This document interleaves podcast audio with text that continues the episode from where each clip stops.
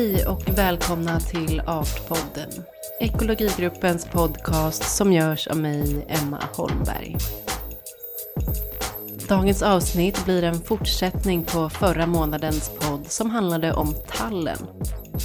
Då om tallen som ett motståndskraftigt, samarbetsvilligt och stormfast träd som kan bli hundratals år och vars livscykel kan nå tusen års ålder från planta till död ved som oerhört långsamt bryts ner till ny näring för svampar och bakterier. Men när människans snittålder ligger på 80 år kan alltså tallen, liksom granen och eken, bli hundratals år gamla och därtill medverka i tusenåriga ekologiska kretslopp. Kanske är det på grund av vår egen i jämförelse pinsamt korta tid på jorden som vi envisas med att förkorta livstiden för det träd som omger oss. Kanske är det därför vi omvandlar tall till fura, vars liv vi avslutar när det nått dryga 80 års ålder. Kanske är det på grund av våra egna tendenser att betrakta vår korta tid här på planeten jorden som linjär. Som vi har svårt att uppfatta de cirkulära ekologiska processer som ett träd under tusen år medverkar i. Kanske är det därför vi tenderar att likställa träden med skogen. Men är det en skog jag går i när jag rör mig genom rader av tall som finns till för att bli furu? Är det en skog som fälls när tusen furor faller? Vad är en skog och hur begriper vi vad den innefattar? Är frågor jag diskuterar tillsammans med mina inbjudna gäster. Vad händer när vi omvandlar träd till virke och skog till åker?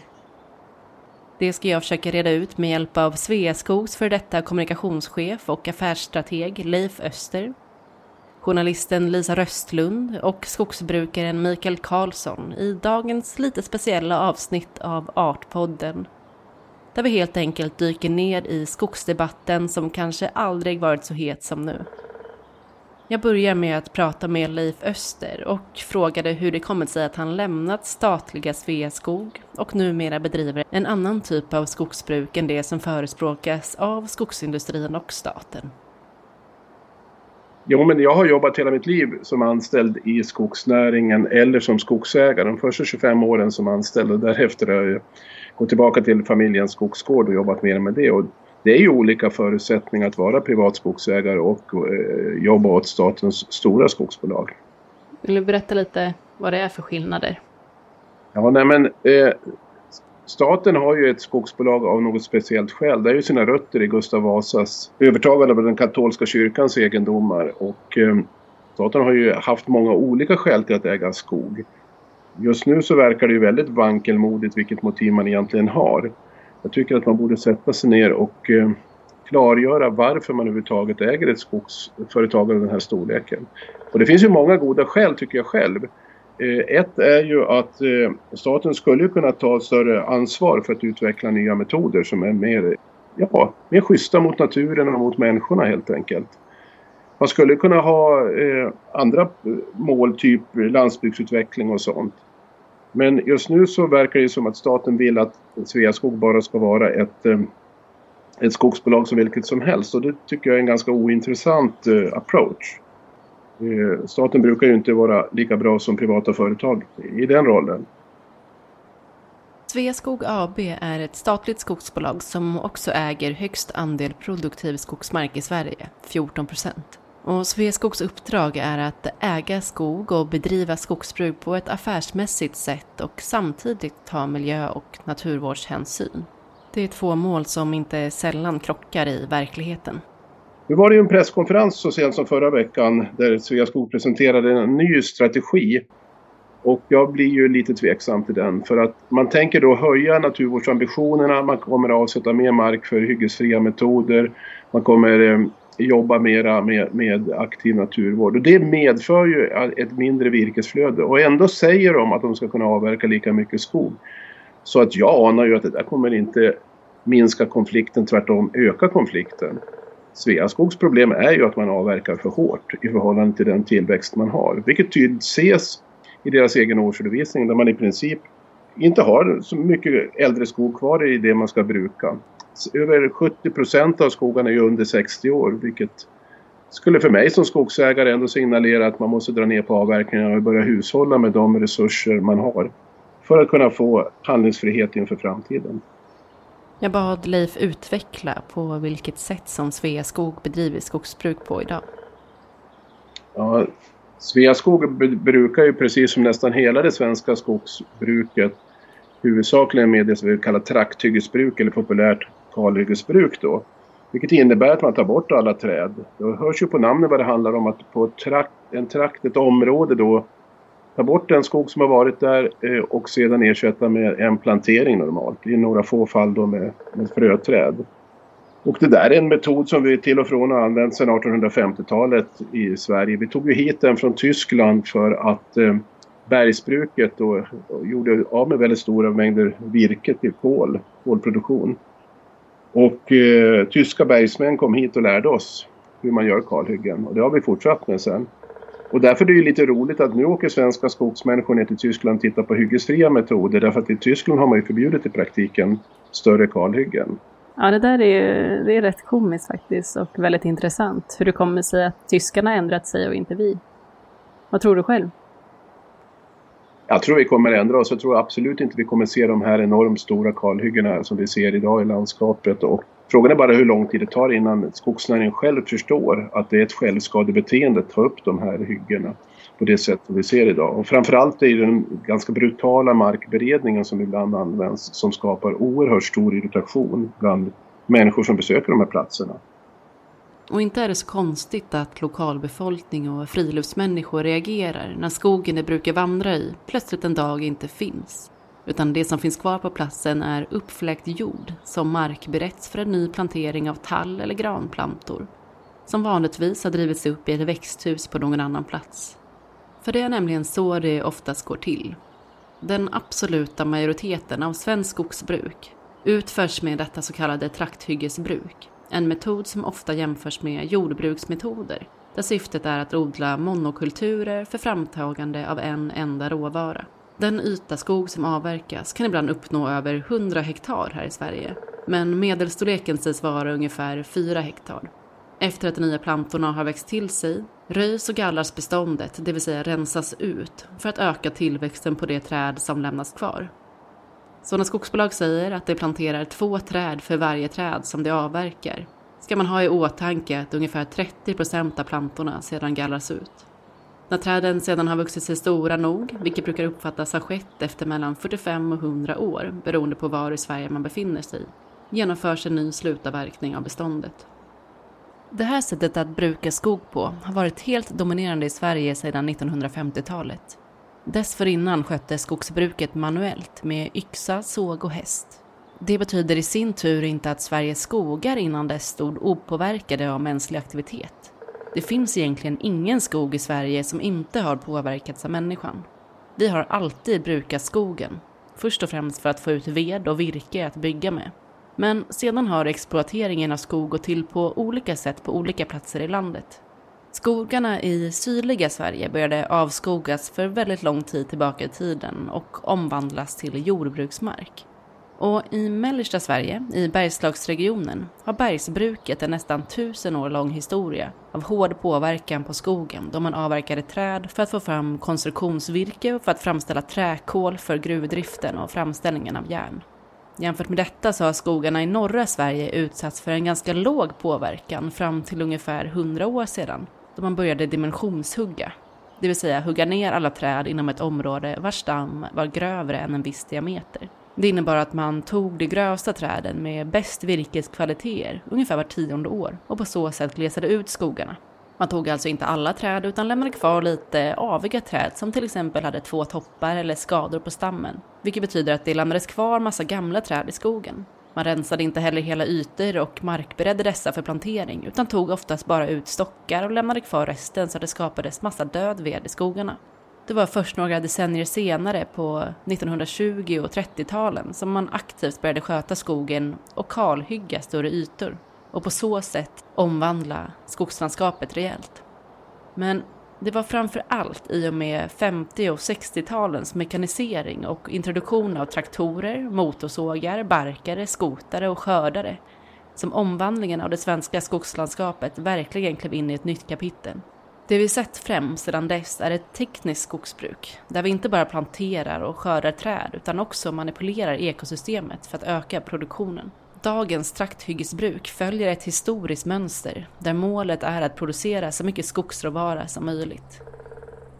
Av föregångare till dagens skogsbruksmetoder i svensk historia kan bland annat nämnas utdikningarna av skogsmark som skedde från 1870-talet fram till 1945, där ungefär en fjärdedel av Sveriges sumpskogar försvann. Utdikningarna följdes av 1950-talets gödsling och användning av bekämpningsmedel med bland annat DDT mot skadeinsekter. Skogsmarker bombades med kväve för att effektivisera planteringen, vilket ledde till problem med övergödning i sjöar och hav, varför gödslingen sedan avtog.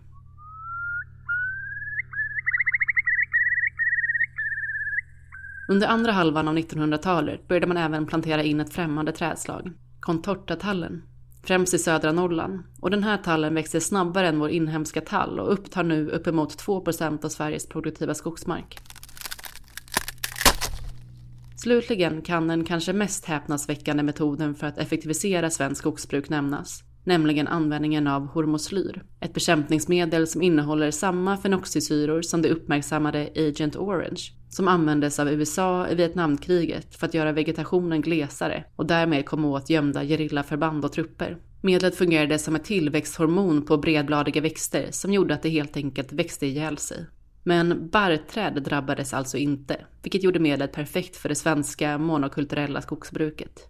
Under 50-, 60 och 70-talen användes ämnet flitigt i Sverige för att ta död på lövträd och andra bredbladiga växter som inte gav inkomster. Till att börja med sprayades det manuellt av skogsarbetare på marken, men senare med hjälp av flygplan. Som mest besprutades årligen runt 100 000 hektar svensk skogsmark. Men jag brukar ju ta upp det här med hormoslyr och DDT av ett speciellt skäl och det är ju att idag så skrattar många i skogsnäringen åt de tokigheterna. Men om 20 år så kommer man skratta åt våra jättehyggen. Och, då, och det har man lite svårt att ta in idag. Eftersom det senare blev klargjort att fenoxisyror bland annat kan orsaka fosterskador och cancer uppstod en livlig debatt och hormoslyret förbjöds 1984. Några år senare bildade sig Toronto, FSC, Forest Stewardship Council, ett globalt certifieringssystem för miljöanpassat, samhällsnyttigt och ekonomiskt livskraftigt bruk av världens skogar. Under vårt samtal berättade Leif vad 80 och 90-talets allt större miljöopinion gav upphov till. I slutet av, av eh, 1980-talet hade vi en väldigt, väldigt intensiv skogsdebatt. Vi hade precis då lämnat en del av kemiskogsbruket bakom oss med hormoslyr och DDT. Och eh, vi kände oss väldigt pressade av stora tyska pappersköpare. Och det drev fram en ny skogspolitik, den så kallade 1993 års skogspolitik. Och för att tydliggöra det, den högre ambitionen vad gäller artskydd och, och miljöhänsyn så valde man då att börja jobba med två certifieringssystem i Sverige. Dels FSC som du nämner men också PFC som är mera i privatskogsbrukets certifiering och en mildare form av certifiering kan man säga. Och till det här lägger man också då det som kallas sektorsansvar. Varje sektor i ett samhälle har ju något sorts eget ansvar för att bedriva saker som, alltså att ta ett större hänsyn än vad lagen kräver. Så certifieringen tillsammans med eh, sektorsansvaret blev den nya, den nya svenska skogspolitiken. Det som kallas frihet under ansvar och där man pekar på att man har två jämställda mål. Där produktion och miljö ska väga lika. Jag menar att om vi levde upp till det vi har kommit fram till i de där, den där processen så skulle det vara väldigt mycket bättre i skogen. Det vill säga att vi tog de här miljöhänsynen som är beskrivna i sektorsansvaret ungefär 50 målbilder för god miljöhänsyn och samtidigt levde upp till certifieringskraven. Då skulle allting vara mycket, mycket bättre i skogen. Så bara det skulle göra en, en, en avgörande skillnad. Den sedan 1993 gällande skogspolitiken handlar alltså om att på frivillig basis ge skogsägarna så kallad frihet under ansvar att skydda natur och kulturvärden i skogen. Skogsbolag kan sedan välja att ansöka om frivilliga miljöcertifieringar, såsom FSC, för att visa att virket kommer från ett hållbart skogsbruk. All skogsmark som ägs av Sveaskog är idag certifierad med FSC, vilket innebär att områden av betydelse för flera hotade arter, så kallade nyckelbiotoper, inte får avverkas, samt att stor hänsyn ska tas till ursprungsbefolkning, vilket i Sverige alltså innebär samerna. Men bland annat i ett reportage av Lisa Röstlund som vi snart ska få höra mer av framkommer att flera certifierade markägare har struntat att kommunicera med berörda samebyar inför avverkning och kalhuggit skyddsvärda skogar. Sen är det viktigt att komma ihåg att FSC bygger på en läroprocess. Så bara för att eh, man gör fel på ett ställe, och det kan vara ganska allvarliga fel, så behöver inte det, det certifierade bolaget bli av med sin certifiering utan det handlar mer om att de på ett trovärdigt sätt ska kunna beskriva hur de, hur de tänker utveckla och undvika att göra fel igen. Man, man kan väl bryta någon gång men eh, det, debatten handlar ju om att man gör det frekvent. Jag tycker att ett, ett, ett särskilt problem här som inte alls kommer fram i skogsdebatten som väldigt mycket fokuserar då på äganderätt och på nyckelbiotopsfrågor det är ju att eh, det är ju certifieringssystemen som gör att inte skogsägare ska kunna avverka skogar med höga eh, naturvärden. Och där får man ju ingen ersättning egentligen utan man får en, ett generellt påslag för att man är certifierad. Vi skulle behöva en sorts fond eller någon sorts försäkring för att inte skogsägare ska hamna i kläm på grund av att de har höga naturvärden och det saknas helt i, i den svenska modellen. Det var ett misstag man gjorde då i början av 90-talet. Man tänkte inte så långt. Det här med äganderätt var något som regeringen ville råda bot på genom att tillsätta den så kallade skogsutredningen. Och Leif Öster var en av de experter som regeringen utsedde för att arbeta med direktivet bakgrunden till skogsutredningen är ju januariavtalet då mellan eh, Centern, Liberalerna och regeringspartierna. Där det finns den så kallade punkt 26 som handlar väldigt mycket om skogsfrågor. Och det, den fokuserade egentligen från början mycket på äganderättsfrågor. Men sen i direktivet som kom att bli oerhört omfattande, det var över 20 sidor direktivtext. Så lägger man in ganska många allmänna skogsfrågor så det blir verkligen en skogsutredning av det hela. Och den presenteras ju då eh, ett år senare med 50 konkreta förslag faktiskt. Och ett, över 1200 sidor text. Och jag jobbade ju då ett år med den utredningen som expert. Mm. Vad, vad kom det ur den här utredningen då? Hur känner du själv? Är, är, är du nöjd med vad som kom ur?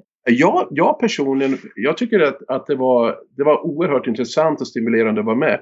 Vi konstaterar ju ganska snabbt att Sverige har ju inget jättestort äganderättsligt problem med i skogen, utan det är ju mera en, någon sorts kampanjtema. Det finns problem med brukanderätten, det vill säga att när man eh, inte får bruka sin mark som, som man eh, vill så vill ju ibland samhället att man ska göra avsättningar som naturreservat, nationalparker och liknande. Och då finns det inte alltid pengar och det är ju ett problem som måste lösas. Men vad gäller äganderätten så det, det sägs emellanåt att folk får sin mark exproprierad utan ersättning och det förekommer ju inte i Sverige. Eh, utan markägare som eh, får ett reservat de får ju 125 procent av marknadsvärdet i ersättning så det kan man ju knappast kalla ett äganderättsligt problem. Sen finns det andra frågor som inte vi tog upp och det var ju artskyddet. Det ingick inte i vårt uppdrag men det hanteras ju en annan utredning som kommer nu här, eh, jag tror det är 10 juni. Det är Lars Tysklind som är utredare och det blir ju oerhört intressant ur artskyddssynpunkt eh, att, att, att ta del av den. Vi har ju haft en bild i Sverige att vi har överimplementerat internationell lagstiftning. Det verkar nog snarare som att vi har underimplementerat vissa delar. Det där blir ju spännande att, att se. Mm. Ja, snälla berätta. Vad, vad behöver ändras inom svensk lagstiftning? Jag har ju inför det här avsnittet så läste jag om Aziz Rembas reportageserie Skogen vi ärvde på 2012 och blev återigen verkligen förbryllad över tvetydigheten i svensk lagstiftning vad gäller just skogsbruk och att ta fram virke och att samtidigt bevara naturvärden i skogarna. Miljöbalken och skogsvårdslagen ska gälla parallellt, men eh, om man får tro Saremba då, så upphör miljöbalken att gälla för en markägare så fort hen har ansökt om att avverka skog på sin mark. Och för den här personen börjar då istället skogsvårdslagen att gälla, som har ett helt annat syfte. Kan du berätta lite mer om det här? Hur är det ligger till och vad skulle behöva ändras enligt din mening? Ja, men det, det, Saremba har ju helt rätt. Det är ju en helt bak, bakvänd lagstiftning vi har fått här. Det, det går till så helt enkelt att eh, om skogsägaren lämnar in sin avverkningsanmälan och Skogsstyrelsen inte har någon synpunkt på det, då är det grönt ljus att avverka även om det finns eh, alla möjliga höga naturvärden. Egentligen så borde ju då eh, råda samrådsplikt men det blir så bakvänt därför att Skogsstyrelsen måste skriva ett föreläggande, ett beslut om någonting då. Det är ungefär som att om du kör bil så måste, skulle polisen behöva skriva ett föreläggande om att du får inte köra fortare än hastighetsbegränsningen här för att kunna bötfälla det. Det är exakt likadant här. Ja. Tillstånd för att genomföra en avverkning krävs bara för fjällnära skog. I övrig skog behövs bara en anmälan till Skogsstyrelsen. Om Skogsstyrelsen inte förelägger markägaren att hen av en särskild anledning måste ta hänsyn till biologisk mångfald eller människor, så har den fritt fram att avverka. Tystnad innebär här alltså ett okej. Okay. Och vilket framgår i såväl Sarembas reportage som Lisa Röstlunds granskning, så är Skogsstyrelsen ofta tyst. Faktum är att andelen fall där Skogsstyrelsen har haft någon synpunkt på en avverkningsanmälan har sjunkit med åren. Vilket också hänger ihop med att andelen kontroller av avverkningsanmälda skogsmarker har sjunkit rejält. Lisa Rösslund beskrev i vintras hur andelen och antalet fältbesök stadigt har minskat, såväl innan som efter avverkningarna genomförts. 2011 besöktes de planerade avverkningarna i 9 procent av fallen. Förra året var det bara 4 vad gäller kontroll av genomförda avverkningar på plats kontrollerades 2011 15 procent av avverkningarna, medan endast 1 procent kontrollerades i fjol. Att skogsområden inte kontrolleras av Skogsstyrelsen, varken inför eller efter en avverkning, gör att allt fler hyggen inte lever upp till lagens krav. Det gör det lätt att jämföra med just polisens arbete att bötfälla fortkörare. Om polisen upphörde att bötfälla fortkörare skulle det troligtvis märkas av i olycksstatistiken. Det här är en liknelse som faktiskt även görs av Skogsstyrelsens generaldirektör Herman Sundqvist. Som menar att man kan ifrågasätta varför polisen inte gör fler fartkontroller. Men konstaterar att allt är en fråga om prioritering och avvägning. Och vi kan inte ha det på det sättet. Jag tycker själv att man kunde ta bort hela skogsvårdslagen. Jag tycker att eh, betydande delar av fastighetsbildningslagen bör ses över när det gäller klyvning av skogsfastigheter. Och jag tycker att aktiebolagslagstiftningen där borde också tas bort. Utan det som, enda som egentligen behöver styras upp när det gäller skogsbruk det är ju miljöfrågorna. Alltså så att vi inte skadar grannar och vatten nedströms och eh, övriga stora och viktiga allmänna intressen. Det är ju det enda. Det, det, det, det är name of the game. Alltså det, det, är några få saker som behöver styras upp. Sen kan man ta bort allt det här som är till för att, att stötta skogsindustrin. Du vet det finns en regel om att vi, man får inte dela på en skogsfastighet. Så om två personer vill flytta ut på landsbygden med varsin del av en fastighet så får man inte göra det om inte den kan producera tillräckligt mycket virke varje del. Vi har tvångsvisa omarronderingar här i Dalarna där jag bor. Där man kör över 600 familjer nu den senaste förrättningen. Därför att industrin vill få fram virke. Alltså det här är, det här är 1800-tal som vi borde ta bort lagstiftningen från och, och istället skapa modern lagstiftning. Vi behöver vi behöver en miljölagstiftning som accepteras av de flesta och som är begriplig och det är den inte idag. Det, ditt eget exempel är ju bra här. Ja, men visst är det mycket som är märkligt och svårt för i alla fall mig att förstå vad gäller svenskt skogsbruk, miljövård och lagstiftning.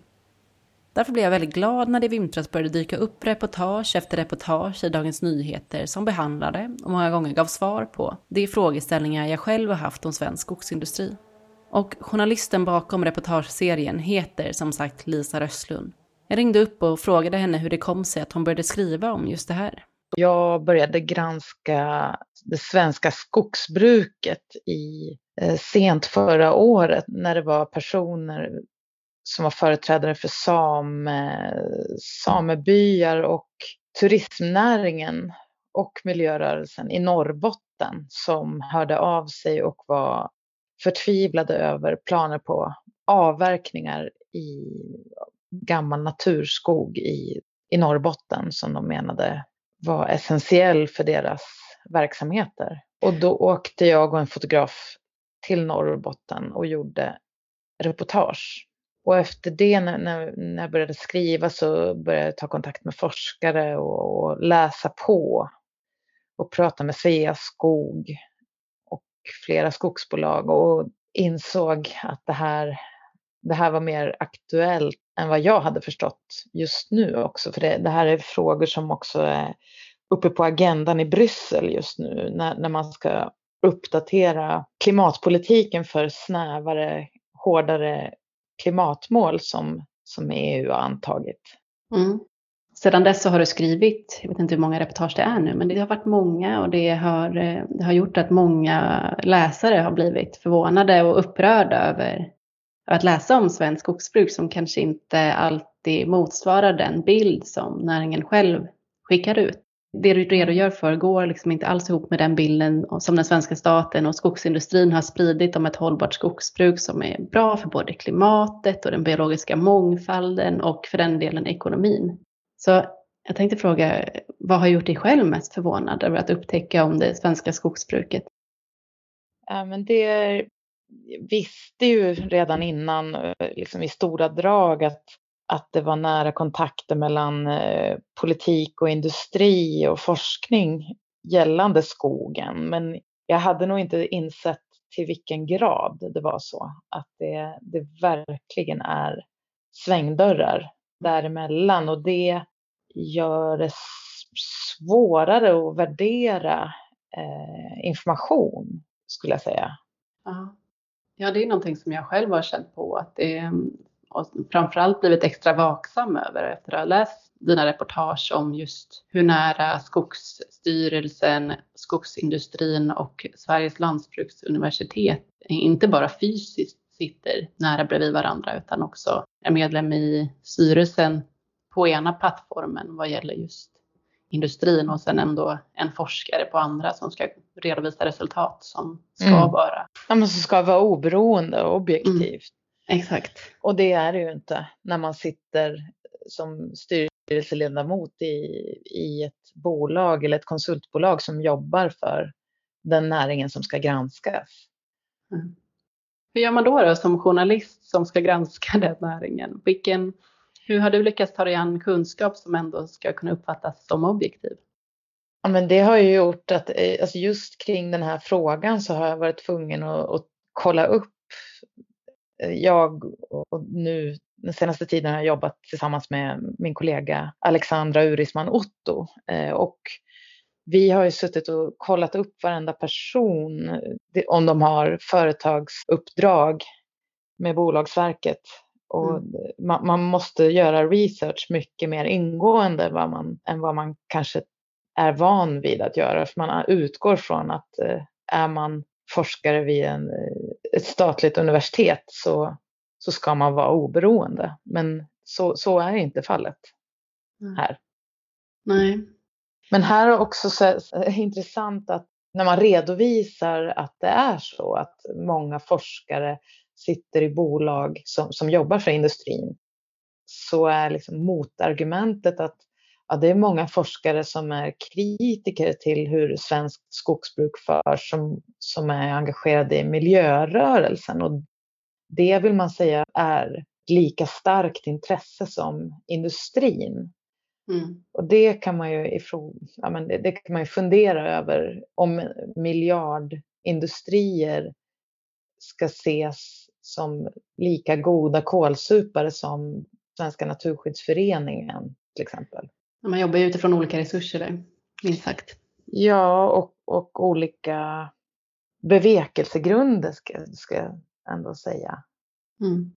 I en av dina artiklar så uppmärksammar du den, den PR-kampanj som skogsnäringen tillsammans med statliga Sveaskog har investerat enorma summor i för att förmedla att ökat skogsbruk enligt den svenska modellen är både miljövänligt och klimatsmart. Och ja, jag tror nog att vi alla har sett affischerna nu som på olika sätt, mer eller mindre fyndiga, berättar att i stort sett allt vi behöver går att hämta från skogen. Helt koldioxidneutralt och miljövänligt.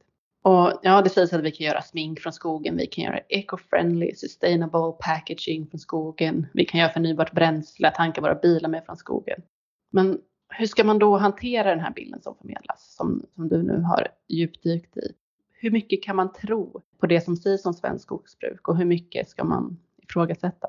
Man måste ta det för vad det är. Det är bolag som gör reklam för sin verksamhet. Bolag som har enorma vinstintressen och som absolut, jag, jag, tror, jag tror ingen vill förstöra klimat och miljö medvetet. Det tror jag inte. Det tror jag inte bolagsföreträdare vill heller. Men när man företräder ett bolag så har man vinstintresse. Och det, eh, kvartalsrapporter är ju liksom mer konkret än en diffus klimatproblematik och eh, biodiversitet som minskar i skogen. Och det som är svårt är att det har liksom rådit konsensus kring hur man brukar skogen i Sverige under flera decennier. Det ska göras med trakthyggesbruk, alltså kalhyggen. Det har varit enligt, enligt skogsvårdslagen så. Och man, man måste återplantera och eh, markbereda på ett visst sätt. Så det har liksom legat i regleringen att, att det måste göras på ett sätt som inte är hållbart också. Det är svårt att frångå det som man har lärt ut till generationer jägmästare och, och branschfolk på SLU att, att tänka om. Precis som Lisa säger och som även framkommer i hennes reportage så utgör trakthyggesbruk med kalhyggen den absoluta standarden inom svensk skogsbruk. 99 procent av statens skogar sköts med kalhyggen. SCA, som är norra Europas största privata skogsägare, sköter 97 procent av sina skogar med kalhyggen. I Lisas reportage i DN kommenterar SCAs kommunikationsdirektör Björn Lyngfelt siffrorna genom att förklara att det beror på att andra typer av skogsbruk som inte innefattar kalhyggen sänker tillväxten, sänker flödet av förnybar råvara och ökar avverkningskostnaden. Jag frågade Leif Öster om han håller med eller varför han tror att det ser ut som det gör idag. Ja, nej, men det har ju varit så att eh, forskningen i Sverige, både den praktiska och ja, all forskning i princip kring skogsfrågor har ju varit inriktad på, på trakthyggesbruket då. Och det har ju gjort att man har utvecklat både maskinsystem, planeringssystem, eh, uppföljningssystem för trakthyggesbruk. Och, och det är ju det är ju som det är med det. Vi har inte full kunskap om alla andra metoder som rimligen finns.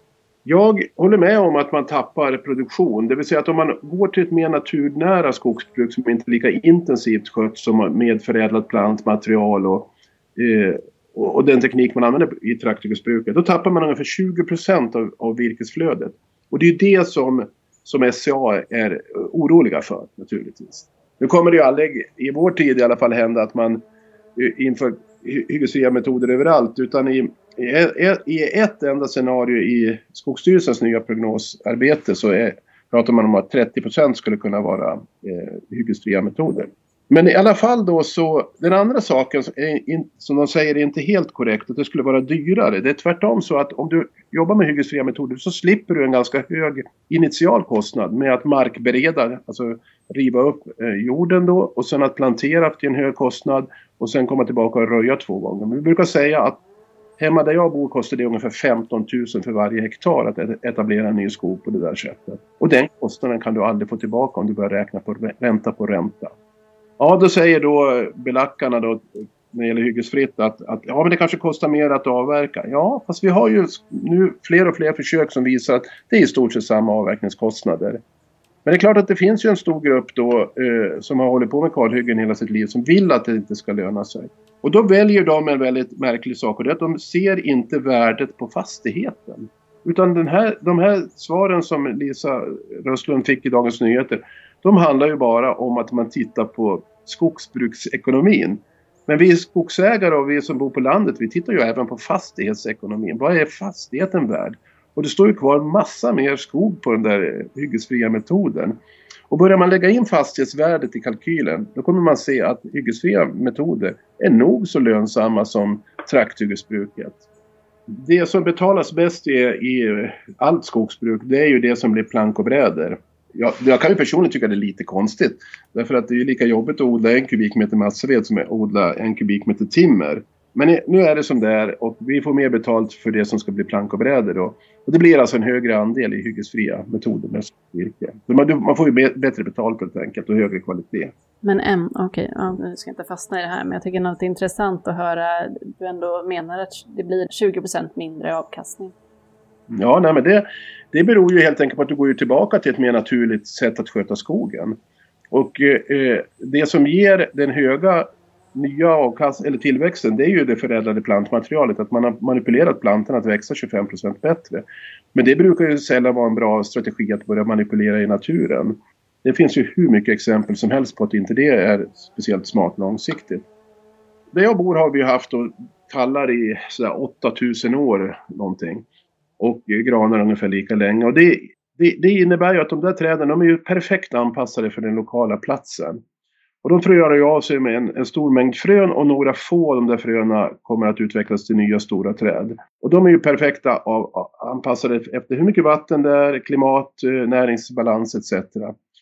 Och eh, det visar sig till exempel vid de här svåra stormarna som Gudrun att de som blåste ner det var ju de här förädlade manipulerade plantornas stora träd. Eh, så att det där är jag inte helt säker på att det kommer fungera långsiktigt. För vad vi behöver nu det är att klimatanpassa skogsbruket och den första klimatanpassning man bör göra det är att använda mer lokalt material, mera fröställningar och mera blandskog. För då sprider vi ju riskerna. Monokulturer är eh, att ta en stor risk. Och vi ser ju det nu i södra Sverige där i princip varenda gran söder om Mälaren är stressad. Och det beror delvis på att vi har planterat fel granar på fel mark. Så vi människor har ett stort ansvar för de stora angrepp vi har av granbarkborre idag. Vill du utveckla, på vilket sätt är en blandskog mer eh, motståndskraftig mot klimatförändringar? Alltså vi har 22 trädslag i Sverige och det är ju ingen slump. Det beror ju på att olika trädslag passar bättre på olika marker. En, en, bra regel kan man ju säga är ju att man ska jobba med naturen och inte mot naturen. Vill naturen att det ska växa björk så finns det ju någon skäl till det. Och ju fler trädslag vi får in i en skog desto större är ju möjligheten att den överlever då olika insektsangrepp till exempel. Tenderar också till att klara bränder och, och stormar bättre om det är flera, flera olika trädslag.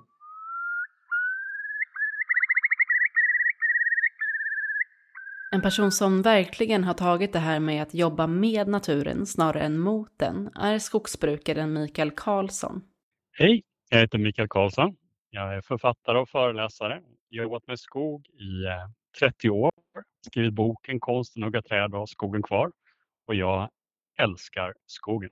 Jag ringde upp honom för att höra hur han bedriver skogsbruk idag. Jag har ju förstått det som att eh, du började arbeta i skogen redan som ung. Det stämmer. Men att eh, sättet du arbetade i skogen då skiljer sig ganska radikalt från hur du gör det nu för tiden. Ja. Vill du berätta? Jag började jobba i skogen när jag var 15 eh, tillsammans med min farfar. Mm, men då var det genom att göra kalhyggen och, och eh, plantera gran. Och när vi gjorde det så märkte jag att ja, det, jag, det jag älskade, det försvann ju när vi gjorde ett kalhygge förstås. Och sen när vi planterade gran, då blev det ju något annat som växte fram. Så det gjorde att jag ställde mig frågan, skulle det inte vara möjligt att bedriva skogsbruk på ett annat sätt? Är vi tvungna att hugga ner naturen och omvandla den till eh, plantager? Mm. Så det, var, det var så det började för mig. Det var 30 år sedan. Mm. Och hur bedriver du då skogsbruk idag? Idag jobbar jag med naturen som förebild. Skogen var här före oss. Den vet hur den kan växa och föryngra sig. Så som jag ser det så, så är det upp till oss att lära oss hur kan vi hur kan vi hugga virke i skogen? Hur kan vi skörda virke utan att eh, störa ekosystemets skog för mycket? Mm. Det känns ju som en fråga som eh, det är många som vill ha svar på. Är det möjligt och eh, hur ska det i så fall gå till? Ja, det är möjligt det, det, är både mycket enklare och mycket svårare än vad man kan, kan tänka sig. För enkelt är det därför att skog är, är det vad som blir naturligt på de allra flesta marker i vår del av, av världen. Det är till och med så om vi inte vill ha skog så behöver vi anstränga oss. Ta en betesmark till exempel. Tar vi bort djuren så växer den med tiden igen med, med sly. Eh, eller ta ett, ett kalhygge där man planterar gran så får man gå där och röja med röjsåg för att ta bort allt sly. Men, men sly är ju inte annat än ett samlingsnamn för träd som kommer upp naturligt. Så, så skog kan växa och föryngra sig naturligt i Sverige.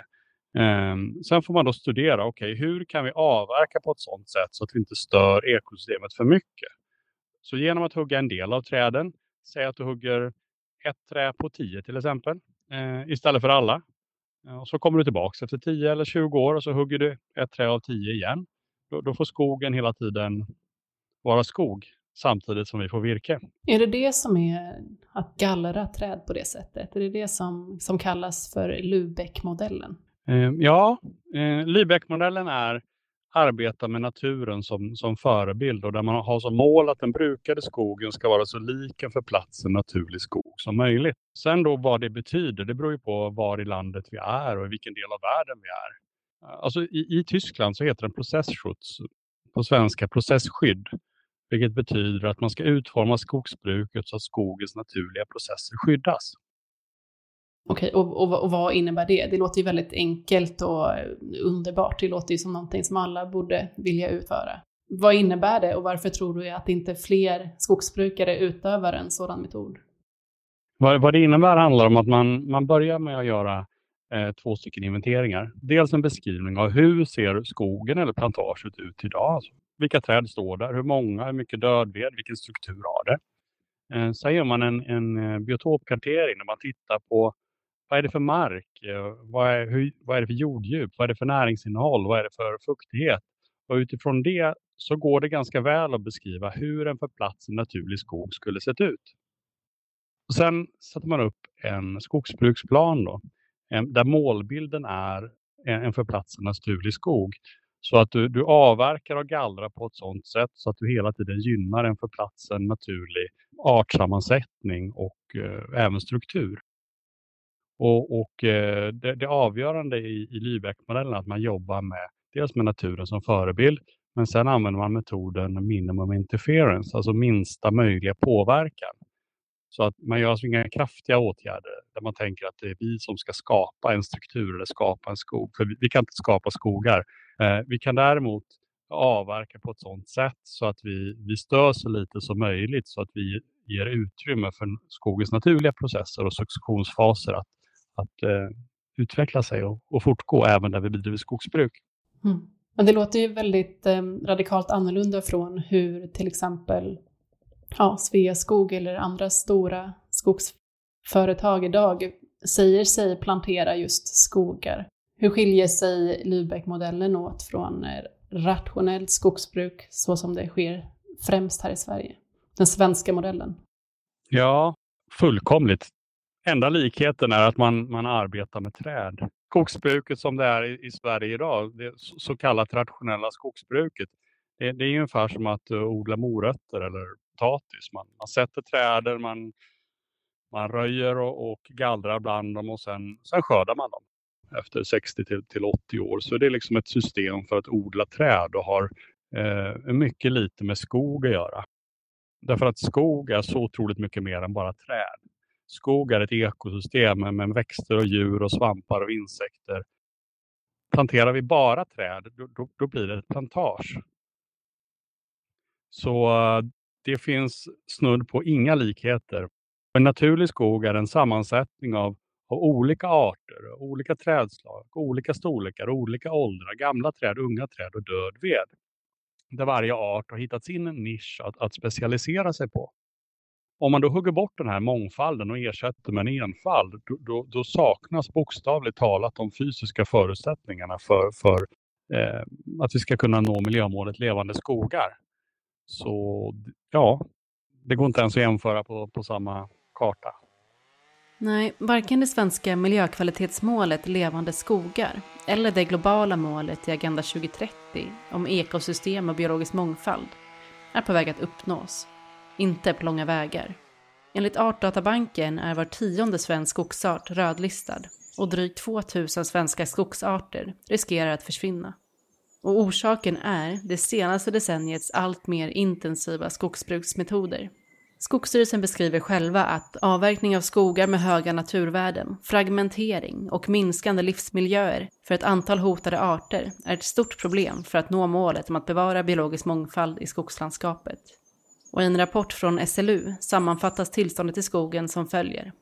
Den bakomliggande anledningen till att många skogsarter är rödlistade är att det svenska skogslandskapet sedan mitten av 1900-talet storskaligt omvandlats av trakthyggesbruket i syfte att få en hög virkesproduktion.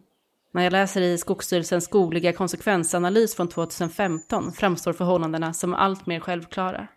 De senaste 50 åren har hälften av Sveriges produktiva skogsmark avverkats. Lägger man till de föregående 50 åren så har vi på bara 100 år huggit ner 80 procent av Sveriges produktiva skogsmark, vilket självklart har en negativ effekt på den biologiska mångfalden.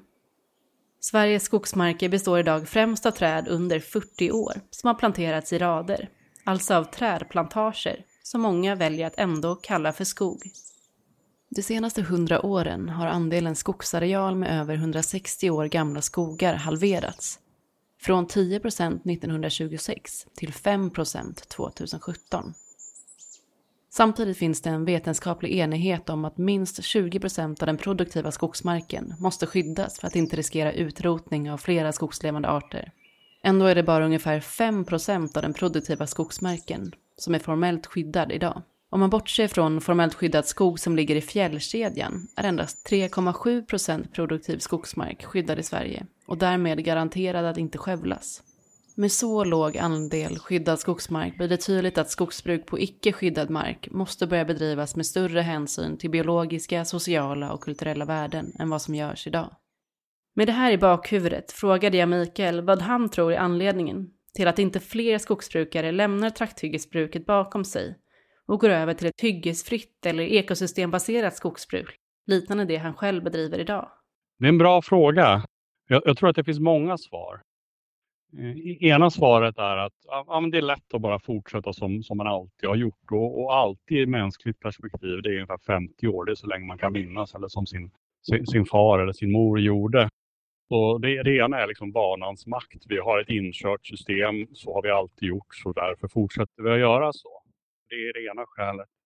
Eh, det andra skälet är att ehm, som, som skogsägare idag så får du gratis så kallad rådgivning från de stora bolagen. Men att få rådgivning från de som köper virke är ungefär som att gå till en bilhandlare och fråga vilket bilmärke ska man köpa.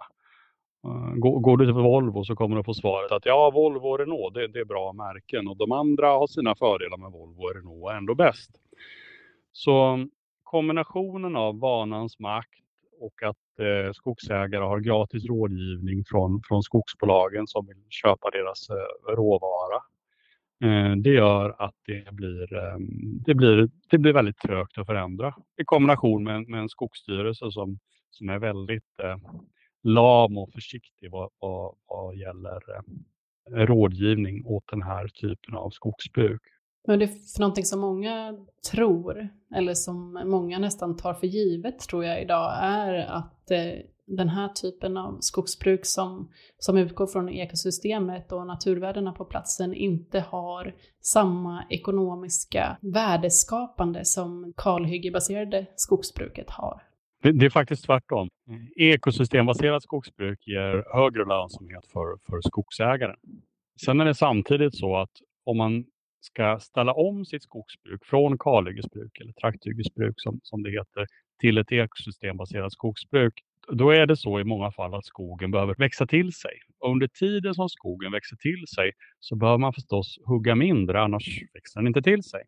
Så det betyder under en period så blir det mindre kassaflöde. Det blir mindre pengar från virkesförsäljning.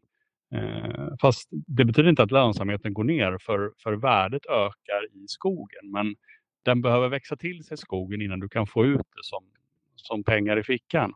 Så det betyder att det tar längre tid alltså, att, att få ut pengarna? Under omställningsfasen, när du ställer om. För om du har tänkt göra ett kalhygge och så, så säger vi att nej, vi ska sluta med kalhyggen. Vi ska bara hugga var tionde träd. Ja, men då får du bara ungefär var tionde krona.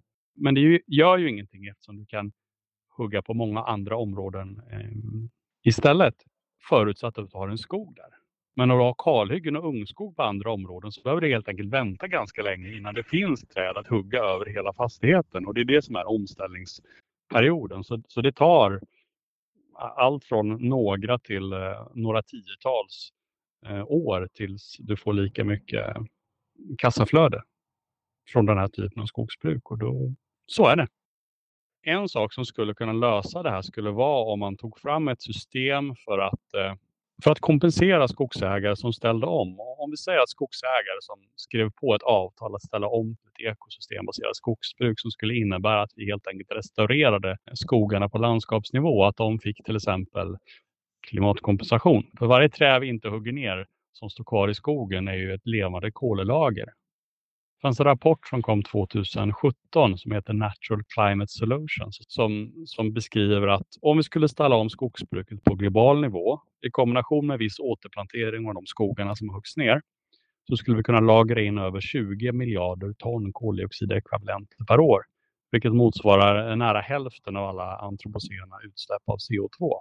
Så, så att ställa om skogsbruket är en, en nyckel i att, att hejda klimatkrisen det, det ersätter inte behovet av att fasa ut fossila eh, källor utan vi behöver göra både och.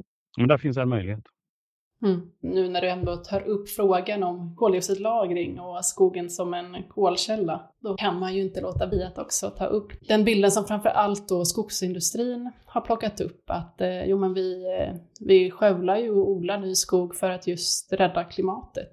På vilket sätt så fungerar din modell, eller inte din modell, men Lübeck-modellen och eh, ett kalhyggesfritt skogsbruk. På vilket sätt så bidrar den typen av skogsbruk till ett mer klimatvänligt eh, bruk av skog?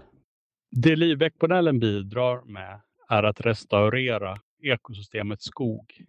I och med att vi restaurerar ekosystemet skog och låter skogarna växa till sig så, så byggs virkesförråden upp. Och en kubikmeter virke motsvarar ett ton koldioxid ungefär. Idag så är den genomsnittsvolymen per hektar i Sverige omkring 130 skogskubikmeter per hektar, give or take. Vi skulle kunna fördubbla virkesvolymen i Sverige. Helt enkelt genom att sluta kalhugga och låta skogen växa till sig, låta skogen bli skog igen. Som skogsindustrin räknar så, så tänker de så här, för varje träd vi hugger ner så, så gör vi en koldioxidvinst på låt oss säga ett ton om trädet är en kubikmeter.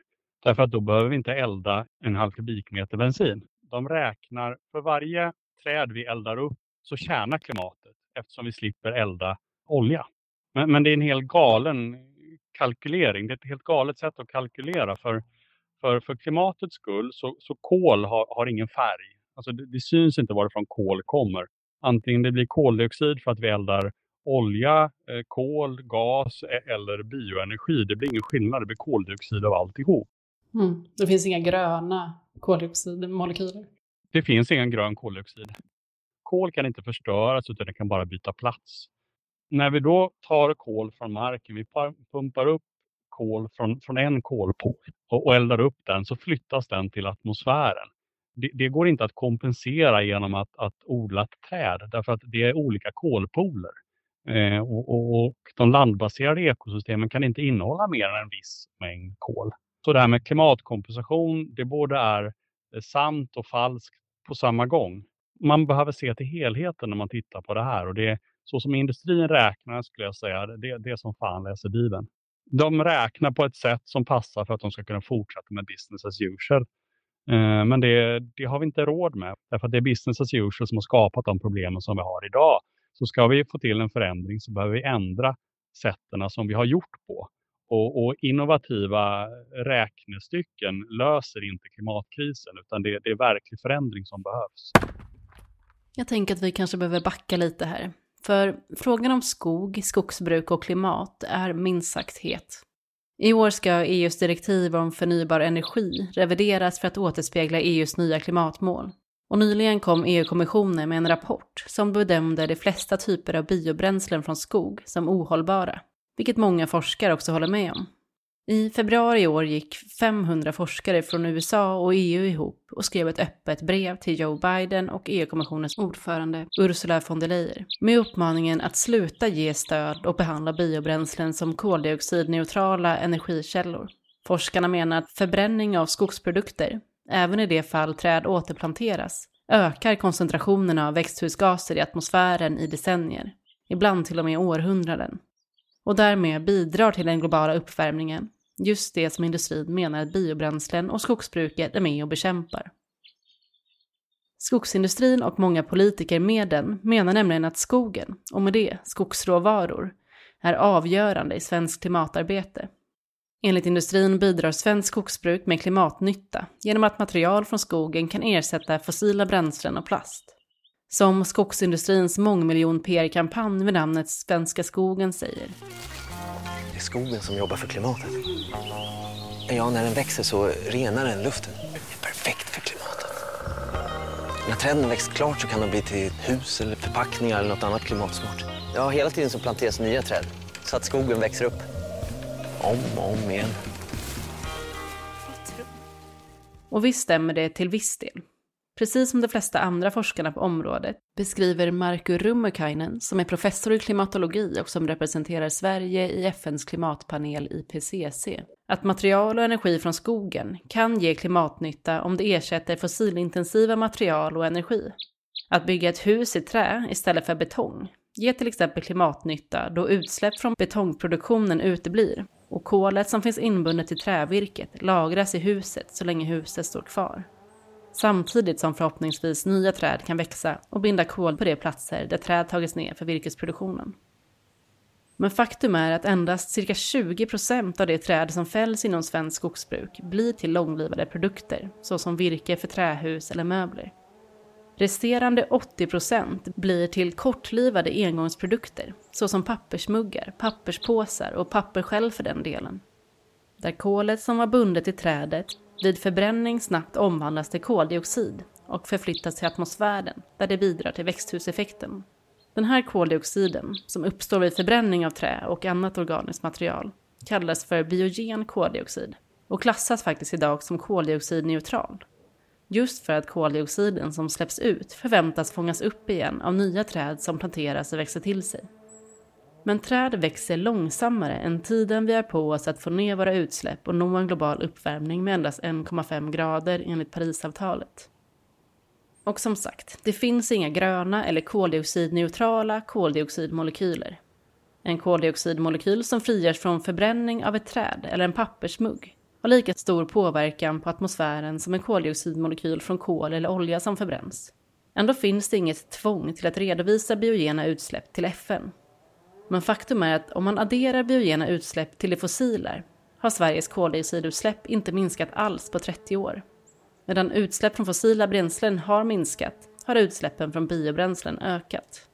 Och medan skogsindustrin och landsbygdsministern Jenny Nilsson menar att biobränslen utgörs av restprodukter från skogsbruket med kort livstid såsom grenar, rötter och flis, så har Lisa Röstlund och hennes kollega Alexandra Urisman Otto på Dagens Nyheter visat att det i själva verket är skog som avverkas för att bli biobränsle och att hela stammar inte sällan förbränns. Energimyndigheten har tagit fram statistik som visar att hela 26 procent av allt skogsbiobränsle som producerades 2019 i Sverige kom från trädstammar. Och till det importerar Sverige också biobränsle från bland annat Estland, vars pellets till hela 54,4 procent består av stammar. Jag frågade Lisa vad hon har fått för reaktioner på deras reportage om biobränslen. Det som är tydligt är att det väcker otroligt starka känslor eh, och eh, reaktioner ilska i sociala medier, framförallt från skogsindustriföreträdare och, och även politiker och skogsdebattörer. För det, det här är ju det som Sverige framförallt har satsat på för att bli ett fossilfritt föregångsland. Och det har liksom rått politisk konsensus kring att det här är en, en nyckel och, och väldigt positivt och jag tror ingen säger att det är helt negativt. Men när klimatkrisen är så akut som den är nu, alltså med dagens utsläppstakt så räcker koldioxidbudgeten mindre än sju år om vi ska klara en och en halv graders målet. Då finns det ju anledning att börja se på framförallt användningen av stamved som har en omloppstid på flera decennier det finns anledning att ifrågasätta hur hållbart det är om man ska klara målet. För det här är ju en strid på tidslinjen helt enkelt. Om vi hade flera hundra år på oss att nå en och en halv graders målet så är de flesta överens om att det här, då, då kan man se ur ett klimatperspektiv all användning av biobränsle som hållbart. Men nu är det ju mycket tajtare än så.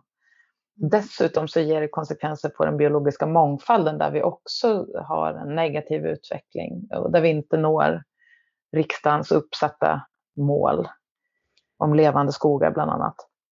Och det här, jag tycker att eh, någonting som gjorde kanske mig mest förvånad och upprörd eh, var just vår landsbygdsminister Jenny Nilssons svar på i din intervju där hon då uttrycker att hon tycker att skogsbruket i Sverige är hållbart och att skälet till att Sverige inte når miljömålen om levande skogar är för att Sveriges miljömål är enormt ambitiösa.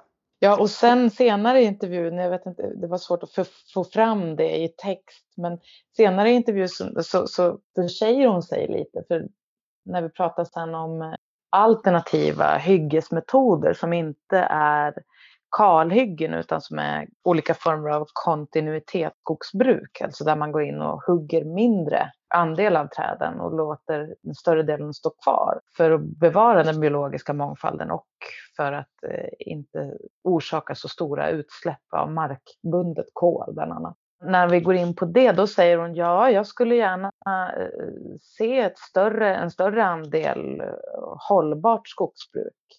Mm. Så det är jag intresserad av att man ökar. Men då menar hon ju egentligen att den större delen av skogen ja, brukas inte hållbart när hon säger så. Vad önskar du då att det stora skogsreportagen som nu sker i Dagens Nyheter? Vad hoppas du på att det ska ge för effekt på då allmänheten, på skogsbrukare och på politiker? Jag önskar att man eh, ska titta på det här med, med vaken blick och med eh, när någon säger sig ha, så tycker jag generellt det är, när någon säger sig ha en universallösning som låter väldigt enkel och snabb, så är det inte så enkelt. Det stämmer aldrig att det är så. Särskilt inte på en sån otroligt komplex fråga som miljö och klimat är.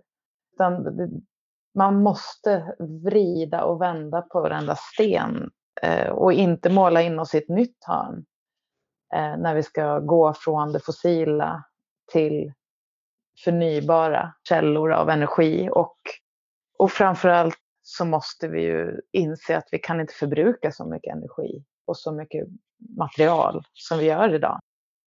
I ett av sina reportage intervjuar faktiskt Lisa Leif Öster, som då konstaterar att vi är allt för många som har trott på och fortsätter att tro på att bli lurade av skogsnäringen och dess påstådda universallösningar. Jag bad honom utveckla. Ja, jag, jag tror att jag använder begreppet lura i lite bredare perspektiv. Det vill säga att man i näringen tillåter sig att, att slira på sanningen. Och en sån sak som är väldigt tydlig det är ju påståendet att vi skulle ha dubbelt så mycket skog eller skogsmark som för hundra år sedan. Där vi vet mycket väl från omfattande inventeringar att vi har exakt lika mycket skogsmark då som nu. Och att man inte skulle kunna få upp ny skog med nya metoder är ju ett sånt påstående som återkommer. Man säger att Uh, i de här hyggesfria metoderna får man inte upp löv och, löv och eh, tall. Därför att det är ju pionjärträd som behöver mycket ljus. Ja, men då får man väl ta upp som i Tyskland luckor i skogen. Men det berättar man ju då inte om. Ytterst handlar det om att industrin vill få fram virke billigt och så mycket som möjligt. Och det är därför man avverkar helt olönsamma skogar uppe i fjällnära, fjällnära områden eller importerar svindyrt virke från Baltikum. Nu får man ha ut så mycket virke som möjligt på marknaden och då går ju priset ner. Men så du menar att man köper in från Baltikum för att öka mängden råvara på marknaden? Men, men precis, och då sänks ju priset på råvaran. varför gör man det då? Därför att industrin tjänar sina stora pengar på förädling och inte på att odla skog.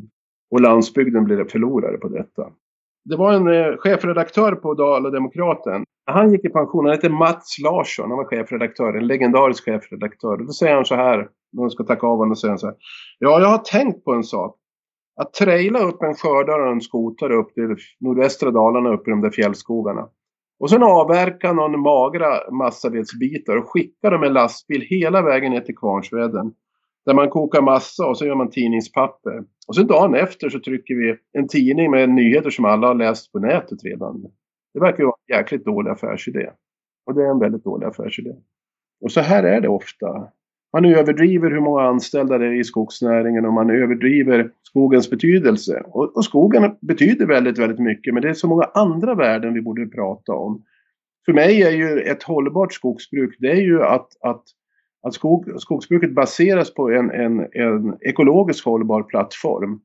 Och där man sen lägger på ett socialt skikt och får en social hållbar näring som tar hänsyn till lokalsamhälle och, och till, till människorna som jobbar i skogen en betydande del av de som är anställda idag i, i skogen och kör maskin och så, de har det ju oerhört tufft. Jag tror att så mycket som en tredjedel redovisar inte ekonomiska resultat som är, är, är tillfreds. Och eh, när det gäller skogsvård så ja, där importerar vi ju arbetskraft nu från låglöneländer för att, att eh, få ner priset. Och då kommer man in på den ekonomiska produktionsdelen. Jag menar ju att dagens skogsbruk fungerar ju inte hållbart. Den fungerar inte ekonomiskt heller, det är ju en återvändsgränd det här. Slutligen så frågade jag Leif vad han själv tycker att vi lyssnare bör ta med oss i den fortsatta debatten kring svensk skogsbruk och alternativa bruksmodeller. Det vore ju märkligt om vi idag 2021 hade kommit på liksom den ultimativa modellen för att bruka skog. Det finns säkert metoder som ingen ens har tänkt ut idag. Och vi måste ha ett öppet sinne och, eh, titta på olika alternativ och därför är det jättebra då att FSC som vi pratade om tidigare nu vill att 5% av arealen ska användas till alternativa skötselmodeller. Där till exempel hyggesfritt är en modell. Annars är det ju Skogsstyrelsen som har den viktiga rollen att vara rådgivare men där är det ju tyvärr så att de har ju alldeles för lite resurser. Vet du att här i Dalarna var det bara 1,8 procent av avverkningarna som besöktes i fält i fjol. Alltså 98 procent eh, besöktes inte. Så det är klart att, att eh, det finns mycket att göra och när Skogsstyrelsen är ute så vore det ju toppen om de kontaktade skogsägaren som kunde prata ihop sig. För de flesta skogsägare jag möter, de är faktiskt väldigt intresserade av och stolta över när de har höga, höga naturvärden det, det, är ju 315 000 privata skogsägare i Sverige och där finns ju en oerhörd kompetens, intresse och engagemang för skogsfrågor. Bland en del, andra inte är så intresserade. Men det vore ju väldigt roligt om man kunde släppa loss den här skaparglädjen och inte bara köra med en metod, trakthyggesbruket, utan rådge och ge dem tips och råd på, på, på eh, hur de kan göra det på annat sätt. Så vi får prova många, många olika sorters modeller. Det vore ju häftigt. För det är bara 8 procent av landets skogsägare som har hög löpande ekonomisk avkastning som sitt främsta mål med ägandet. 92 procent av skogsägarna i Sverige har andra mål med att äga sin skog. Det kan vara att eh, de vill lämna över sin skog i ett bättre skick till kommande generationer eller att de vill ha en speciell inriktning på, på, på sitt skogsbruk. Ja, men då ska man ju bejaka det. Men skogsvårdslagen är ju så konstig och, och, och eh, bakvänd så att den som inte tar hänsyn blir ju ekonomisk vinnare men den som tar stora hänsyn till naturen blir förlorare. Ekonom i alla fall. Upplevelsemässigt så blir man väl kanske vinnare då.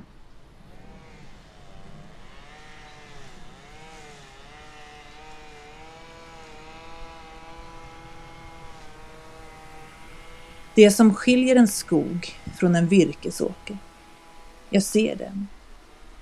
Jag ser träd i olika faser av liv och förruttnelse, snarare än likåldriga jämntjocka stammar. Jag ser marken, i sig ett landskap, inte en brun, täckande matta av döda bär. Jag ser det, men, vilket är viktigare, jag anar det också. Jag känner det utan att se det. Slutar jag lägga märke till det är allt förlorat. Också det som ännu inte är förlorat. Den slutgiltiga förlusten är insikten om att en förlust alls har ägt rum. Att kalla en trädplantage för en skog är att göra oss blinda för skillnaden mellan dem. Det som med detta synbortfall går förlorat är inte bara medvetenheten om naturskogens komplexitet, utan djupast upplevelsen av världens outgrundliga skönhet. Sist ut hörde vi Helena Granström läsa ur sin text Skogen. Tack så mycket för att ni har lyssnat på Artpodden som nu tar ett sommaruppehåll. Och under sommaren får ni gärna passa på att lyssna på samtliga 19 avsnitt av Artpodden som ligger ute på Spotify, iTunes Podcaster, Ekologigruppens hemsida och nu även på Acast. Ha en jättefin sommar så hörs vi igen i höst. Hej då!